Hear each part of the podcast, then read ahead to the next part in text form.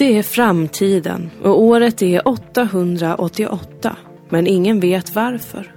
Någon gång så började man räkna från år noll igen. Varför har man glömt? Sägs det i alla fall. Teorier saknas inte.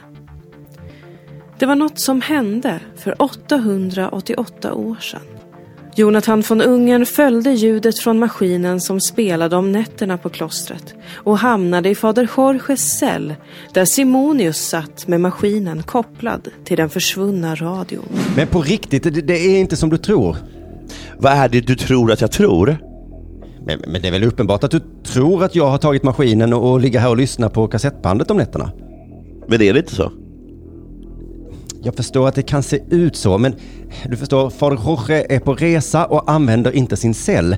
Jag var bara här för att låna rakblad, så fick jag syn på maskinen. Rakblad?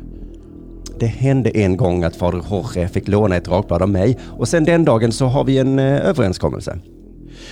Så du var bara här för att låna rakblad? Ja, och, och det var då jag fick syn på maskinen och den stod där med kassettbandet i, kopplat till radion, redo att spelas. Men fader Jorge, varför? Nyfiken natur. Men eh, det är vi alla här på klostret. Så du spelade bandet utan mig? Kunde inte låta bli. Det var alltså det du gjorde? När jag satt inspärrad i innersta rummet på biblioteket? Du satt här och lyssnade på Betting Lovers in Space? Sport.se Hur fan står du ut med dig själv? Jag hade verkligen tänkt säga till dig. Och vart är det fader Jorge har rest? Han har rest för att träffa regeringen. Flamberg kommer vara där. Fader Jorge tror att de kan hjälpa honom få tillbaka sina pokerpengar. Fulingen hade inga planer på att betala tillbaka fader Jorges beslagtagna pokervinster. Det går inte. Jag, alltså jag skulle inte ens kunna om jag hade velat, vilket jag inte vill. Har ingen möjlighet att betala tillbaka några pengar som givits i bistånd som aldrig passerat mig. Det var pengar som skulle gå till fattigarbetet i Europa men istället gick det till att betala fakturorna för radioinstallationerna. Jag har aldrig haft de här pengarna. De har aldrig varit mina, så jag kan ju inte betala tillbaks någonting då, eller, eller hur? Det, där tycker jag att, att jag tänker rätt. Fulingen tar det fulingen vill ha. Du, eh, du är inte sugen på att lyssna på ett avsnitt? Av Betting Lovers in Space? Mm, Maskinen är inkopplad och klar. Bandet ligger i. Okej då. Play that funky game show, white boy. Mm, det lät bättre när jag sa det va? Ja, det lät lite bättre. Nu lyssnar vi. Och för första gången på kanske tusentals år hörs rösterna från den gamla tideräkningen.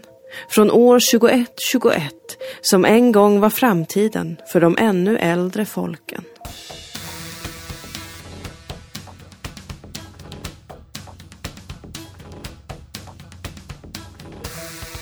Hello betting lovers och välkomna till det kända universums kändaste show som vi gör tillsammans med 888 Sport som ni hittar på 888sport.se.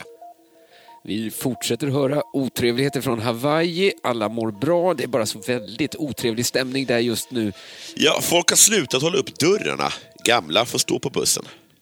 Man spottar på gatorna och gäspar utan att hålla för munnen. Trist att det skulle gå så långt, men det ska inte påverka vårt samarbete med 888 Sport, ett bettingbolag som ligger helt rätt i tiden och inte alls är kopplat till Hawaii på något avgörande sätt. 888sport.se är adressen. På 888sport.se slash kampanjer hittar du veckans betbooster där oddsen är uppvridna på alla tänkbara spel kring en utvald toppmatch.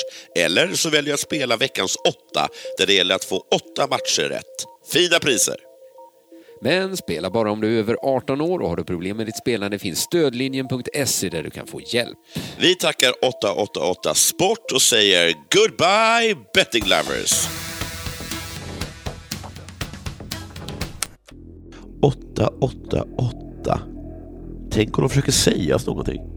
Vad visste de då som vi inte längre vet? 888sport.se Senare på dagen springer Jonathan på broder Gregorius och passar på att tacka för att han släppte ut honom ur biblioteket.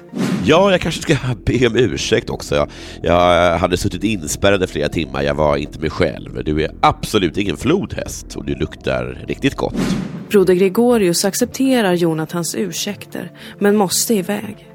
Han har resväskorna packade, ska träffa regeringen och samtala med informationsminister Flamberg. Jaha, ja, ja. Precis som fader Jorge. Broder Gregorius förstår inte vad Jonathan von Ungern menar. Varför skulle fader Jorge träffa Flamberg?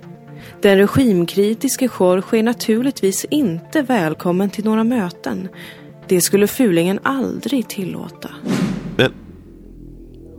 Då ljög ju Simonius Chipernicus.